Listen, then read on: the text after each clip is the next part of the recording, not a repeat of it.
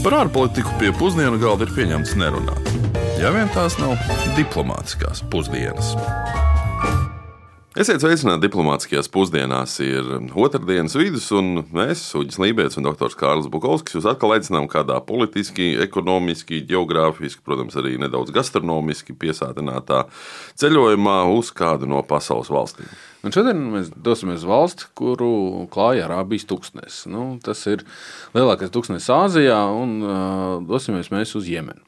Pieļaujam, ka par šo tuvu austrumu valsti ir dzirdējuši gan daudzi, taču zina par to gan neliels cilvēku skaits. Viņš patiesībā Jemena ir otra lielākā valsts Arābijas pussalā, nu, izmēra ziņā apmēram tikpat liela kā Francija, starp citu, ar ļoti senu un bagātīgu vēsturi. Nu jā, lai gan mūsdienās valsts saskars ar eh, daudzām un milzīgām problēmām, pagātnē tā bija viena no bagātākajām arābu valstīm un bija pazīstama kā Arabija Feliks. Un šo nosaukumu varētu tulkot kā veiksmīgs vai laimīgs. Un, um, un, lai arī mēs jau piesaucām tūkstnesi, savulaik Jemena bija auglīgāka nekā lielākā daļa Arābijas. Un, um, iemesls tam ir tāds, ka valsts kalnainais reliefs uh, piesaista lietu, kas savukārt ir veicinājis plaukstošu lauksaimniecību, kā arī gadu simtu garumā nodrošinājis stabilu iedzīvotāju skaitu. Nu jā, un sākot no apmēram 1200. gada pirms mūsu ēras, Jemenā attīstījās vairākas spēcīgas un bagātas pilsētvalsts. Un to labklājību lielā mērā noteica vīraku un mirras ražošana, kas ir divi no visvērtīgākajiem antīkās pasaules produktiem. Nu, tā vismaz tiek uzskatīts. Savukārt Jemenas galvaspilsēta Sana ir viena no pasaules vecākajām nepārtraukti apdzīvotajām vietām. Un, kā liecina vietējās leģendas, tad Sana dibināja no Asa dēls Šems. Un, lai arī Jemena pagātnē ir bijusi ļoti bagāta un ietekmīga reģiona valsts, pašlaik tā ir uh, nabadzīgākā valsts tuvajos austrumos. Nu, vēl vairāk tiek uzskatīts, ka tieši Jemenā iespējams ir novērojama pasaulē lielākā humanā krīze, jo 60% iedzīvotāji mm, nav nodrošināti ar elementāru pārtiku. Un vairāk nekā 17,4 miljoniem jemeniešu, jeb vairāk nekā 60% no valsts iedzīvotāji ir nepietiekami nodrošināti ar pārtiku. Tiek prognozēts, ka līdz gada beigām šis skaits sasniegs jau 19 miljonus. Kopumā tiek rēķināts, ka aptuveni trijām ceturdaļām valsts iedzīvotāju būs nepieciešama humanā palīdzība. Bet par to, kāpēc šāda situācija Jemenā ir izveidojusies, mēs stāstīsim raidījuma turpinājumā, bet no sākuma paklausīsimies, ko par šo zemi zina mūsu klausītāji. Ko jums asociējas Jemena? O Jemena gan man neasociējās, nezinu par viņu neko, neesmu pat interesējusies. Droši vien ar kaut kādiem tūkstošiem blakus kaut kur Saudārābijā. Ja? Droši vien ar ļoti ierobežotām sieviešu tiesībām. Dzirdēts ir, bet jā.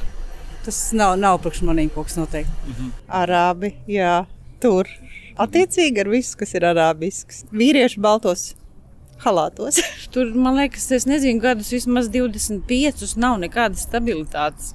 Tur visu laiku ir kaut kāds ārvalstu karaspēks padaļā iekšā, cik es zinu, kaut kādi vācieši tur ir kā arī kaut kāds grupējumi, kas tur ir kā kaut kādu pusi tagad mēģina nu, es nezinu, kaut kādu kārtību ieviest. Es domāju, visiem tur ir intereses. Kaut kas tur ir. Es nezinu, precīzi atcerēties, vai tur ir par izrakteņiem vai kaut kas. Nu, tur nebūtu neviena, ja nebūtu kaut kāda interese kādam. Kā tas ir noteikti. Jā. Arī karš. Ah, ļoti skaisti e, sala, Sokotra. Mhm. Ļoti, ļoti skaisti valsts. Citi ļoti gribētu aizbraukt, ja tur nebūtu karš. Pirms mēs pievēršamies pašai sāpīgākajai Jemenas problēmai, ilgušiem pilsoņu karam, ir jāpiezīmē kāda neierasta lieta šim reģionam. Proti, Jemena ir vienīgā republika šajā apgabalā, kamēr visas tās kaimiņu valsts ir karaļvalsts vai emirāti. Nu, iespējams, ka arī šis te, nu, republikāniskā sistēma arī varētu būt viens no iespējamiem konflikta cēloņiem.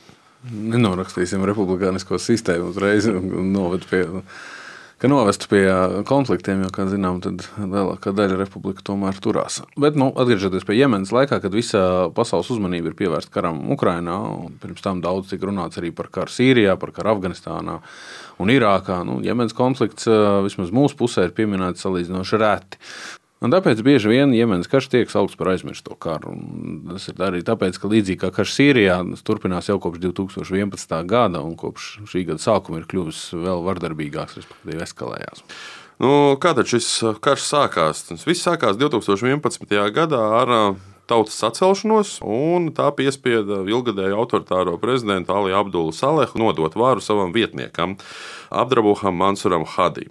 Tomēr arī jauniem valsts vadītājiem nācās saskarties ar dažādiem izaicinājumiem, nu, piemēram, džihādistu uzbrukumiem. Nu, vēl jau vairāk to šo situāciju sarežģītāk padarīja fakts, ka lielākā daļa Jemenas bruņoto spēku tomēr bija vairāk lojāli gāztiem prezidentam nekā jaunajam līderim Hadī. Nu, jā, šo situāciju, respektīvi, prezidenta vājumu savā labā izmantoja hutiešu kaujinieki, kuri 2014. gada sākumā sagrāba savā kontrolē Sāda provinci valsts ziemeļos, un pēc tam ieņēma arī valsts galvaspilsētu Sanu, nu, attiecīgi liekot prezidentu Hadī jau 15. gada martā beigt uz ārzemēm.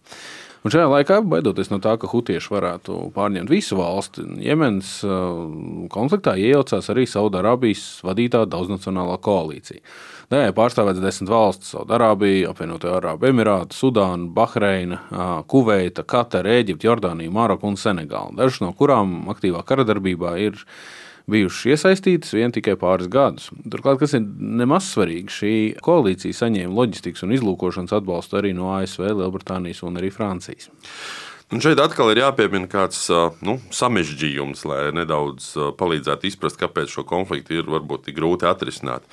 Nu, pirmkārt, Saudārābijai palīdzību prasīja trimdā esošais prezidents Hadī, un šādu prasību arī apstiprināja ANO drošības padomu, kas nu, līdz ar to faktiski leģitimizēja šo masveidīgo bombardēšanu ar mērķi atjaunot Hadī amatā.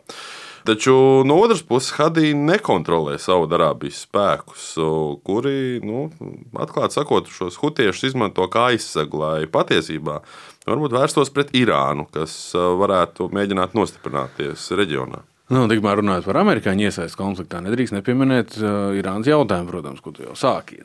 Tā, piemēram, Baraks Obama izvēlējās atbalstīt šo kampaņu, lai mazinātu Saudārābijas kritiku par noslēgto Irānas kodola vienošanos. Savas prezidentūras pašās beigās iepriekšējais ASV prezidents pasludināja Hutiešus par teroristu organizāciju, lai arī citi eksperti atzina, ka patiesībā šis grupējums nekādus tiešus draudus amerikāņiem gan nebija radījis. Turklāt republikāņu prezidents bija arī uzlicis savu veto, lai atceltu kongresa aicinājumu iesaist Jemenas karā atsaukt. Nu, tu jau tagad runā kā Harijā Poterā par to, ko vārdā nenosauc. es zinu, es vienkārši lasu Hariju Poteru. Bet runājot tālāk, pavisam cita nostāja bija pašreizējiem ASV prezidentam Joe Bidenam, kurš Jemenas kara izbeigšanu bija izvirzījis par vienu no galvenajām savas ārpolitikas prioritātēm, īpaši uzsvaru liekot uz diplomātiju. Baidens neilgi pēc stāšanās amatā paziņoja, ka ASV pārtrauc savu atbalstu ofensīvajām operācijām. Nu, taču par vienu no lielākajām Baidena kļūdām tiek uzskatīts fakts, ka Savienotās valstis nepieprasa izbeigt starptautisko Jemenas blokādi, kas faktiski arī ir ofensīva operācija. 2015. gadā Saudārābijas kara kuģi sāka bloķēt piekļuvi Jemenas teritoriālajiem ūdeņiem, un vēlāk uh, tika uzsāktas piekļuves traucēšana Jemenē arī pa sauszemi, tādējādi bloķējot arī pārtiks nonākšanu valstī. Lai arī šādu blokādi ir kritizējušas apvienoto nāciju organizācijas amatpersonas, atvieglojumi ir ieviesti tikai daļēji, šāda blokāda visai saprotami ir novedusi pie milzīgajām smagajām sakām, par kurām jau ievadā Uģis stāstīja. Nu jā, kā liecina no aplēsta no pārtikas, medicīnas aprūpes un arī infrastruktūras trūkuma, Jemenā dzīvību ir zaudējuši jau aptuveni 150 tūkstoši cilvēku, taču tā ir tikai nedaudz vairāk nekā puse no vismaz 300, gandrīz 80 tūkstošiem šī pilsoņa kara upuriem. Apvienotās nācijas ir aprēķinājuši, ka šogad no sniegtās pārtikas palīdzības būs atkarīgas aptuveni 3 ceturdaļas no visiem valsts iedzīvotājiem. Un, nu, jā, ja netiks saņemts pienācīgs ārvalstu finansējums. Jā, nu, šis ir piemērs tam, ka pa 21. gadsimtā diemžēl bats, bats nekur nav pazudis un nekur nav izskausts. Cik katastrofāli ir, ka tas joprojām tiek izmantots kā kara instruments. Bet par to, kā Jemenā izpaužas šī kara laika ekonomika un vai šāda krīze ir iespējams pārvarēt, to lūdzām skaidrot uh, Latvijas ārpolitikas institūta pētniecei un TV žurnālistē Elisabetei Visgunovai. Ekonomiskā konflikta saknes meklējums valsts neveiksmīgajā politiskajā pārējā, kas sākās 2012. gadā. Saskaroties ar hutiešu atcelšanos 2014. gadā, aizsākās arī septiņus gadus ilgšais pilsoņu karš ar ārvalstu iejaukšanos. Tomēr ekonomiskie un militārie konflikti neattīstījās vienādā tempā. Kara sākuma fāzēs Jemenā funkcionēja tehnokrātu vadīts ekonomiskais pamiers, kas palīdzēja aizsargāt pirmskara ekonomisko kārtību. Sānas ierēģi sadarbojās ar politiskiem līderiem abās konflikta pusēs, un puses mierīgi ļāva centrālajai bankai saglabāt neutralitāti. Tomēr šis pamieris nebija ilgs. Kopš ekonomiskā pamiera sabrukuma 2016. gadā ekonomiskais konflikts ir sāsinājies. Tā redzamākās iezīmes ir centrālās bankas sadalīšana konkurējošās varas iestādēs Sanā un Adenā, cīņa par varu pār tirdzniecības plūsmu kontroli un degvielas aplikšana ar nodokļiem. Reāla vērtības samazināšanās dēļ daudziem cilvēkiem nav pieejami līdzekļi, lai apmierinātu savas pamatu vajadzības, piemēram, pēc pārtikas un degvielas. Tā rezultātā Jemena ir vieta, ko nosauc par vienu no lielākajām humanitārajām krīzēm pasaulē. Jemena ir atkarīga no gandrīz visu tās pārtikas un svarīgo preču importu, un tās valūtas sabrukums ir izraisījis pārtikas un citu preču cenu strauju pieaugumu un mājsaimniecību pirktspējas samazināšanos. Situācija ir pasliktinājusies gadiem ilgās de facto sauszemes, jūras un gaisa blokādes dēļ, ko uzspiedusi koalīcijas spēki, kas ir traucējuši vitāli svarīgo pārtiks un medikamentu piegāžu plūsmai. Saskaņā ANO attīstības programmu karš līdz 2021. gada beigām prasīs aptuveni 377 tūkstoši iedzīvotāju dzīvības. 2021. gada beigās Jemena piedzīvoja trešo Covid-19 infekcijas vilni. 2020. gadā holēras gadījumu skaits pārsniedz 200 tūkstošus. Covid-19 pandēmijas ietekmi uz ekonomiku ir grūti novērtēt. Tomēr daudzas valstis ir samazinājušas kritisko palīdzību Jemenē pandēmijas laikā, kā rezultātā arī ANO samazinājis pārtiks deva apjomu aptuveni 8 miljoniem jemeniešu. Diviem no trim jemeniešiem nepieciešama humanā palīdzība un aizsardzība, un 4 miljoni iedzīvotāji ir iekšēji pārvietoti Jemenā. ANO centieni līdz šim ir bijuši vērsti uz konflikta politiskiem un militāriem aspektiem, vienlaikus uzlūkojot ekonomisko konfliktu kā kara sekas.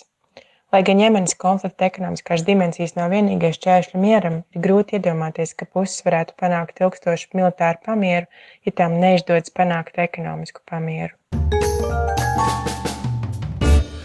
Nu, mēs riņķī un apkārt runājam par to, cik slikta ekonomiskā situācija ir Jemenā. Tāpēc, laikam, vēl nedaudz vairāk nošokējot, ir jāsaka, ka Jemenā IKP uz vienu iedzīvotāju pēc pirktspējas paritātes ir aptuveni 950 eiro. Nu, atgādināšu, ka Latvijas šis pats rādītājs ir apmēram 29,000 eiro. Bet paskatieties dziļāk uz šādas situācijas iemesliem, jāpilst, ka gandrīz puse Jemenas iedzīvotāji ir jaunāki par 15 gadiem. Augstais bezdarba līmenis un slikta izglītība jauniešu vidū padara viņus neaizsargātus pret vervēšanu bruņotās grupās. Lai gan daudziem jauniešiem politiski, ekonomiski vai sociāli nav pat balstiesības, kaujinieku grupas piedāvā viņiem piekļuvi resursiem, ietekmi un piederības sajūtu nu, attiecīgi arī atalgojumu, ēdienu, kas, protams, daudziem ir ļoti vilinošs. Un, protams, ka rada situācija, kas veicina pastāvīgu konfliktu visā valstī. Ja ir gandrīz paudze aug, kas neko citu izņemot karu nav redzējusi un neko citu nav iemācījusies. Jā, un atliek vien secināt, ka karš visticamāk arī turpināsies neatkarīgi no tā, ko dara Vašingtona vai kāda cita rietumu galvaspilsēta. Nu, Galu galā ienesīga kara ekonomika, resursu ieplūšana no ārvalstu sponsoriem, arī stimulu trūkums sarunām. Tas viss mudina neskaitāmus kaujiniekus turpināt cīņu neatkarīgi no civiliedzīvotāju ciešanām. Nu, taču no otras puses, redzot, cik ļoti aktīva starptautiskā sabiedrība ir bijusi gatava iesaistīties Ukraiņas iedzīvotāju atbalstīšanā un centienos izbeigt karu, Nu, no vienas puses, tā kā cerību nevajadzētu zaudēt, no otras puses, atliek man uzdot jautājumu, nu, kāpēc ir tik grūti līdzīgi rīkoties arī, piemēram, tuvajos austrumos. Lai cik būtu paēdis, vienmēr ir vieta arī desertam. Bet desertā šodien laikam jāparunā par garšīgām lietām, ceļš pēc šī bada apvītā pamatēdiena, kas mums tikko bija. Un tāpēc desertam svarīgi ir kafija. Un šeit iemenai ir ļoti nozīmīga loma. Kaut gan arī pēc rūkta pamatēdiena arī rūktas deserts, bet šoreiz pozitīvā nozīmē rūkts. um, nu jā, patiesībā, gatavojot šo raidījumu, es pirmo reizi sāku aizdomāties, kāpēc vienu no kafijas pupiņu veidiem sauc par arabiku. Un izrādās, ka kafija pirmo reizi ir izcēlusies Etiopijā, bet pirmo reizi tā kultivēta ir tieši Jemenā.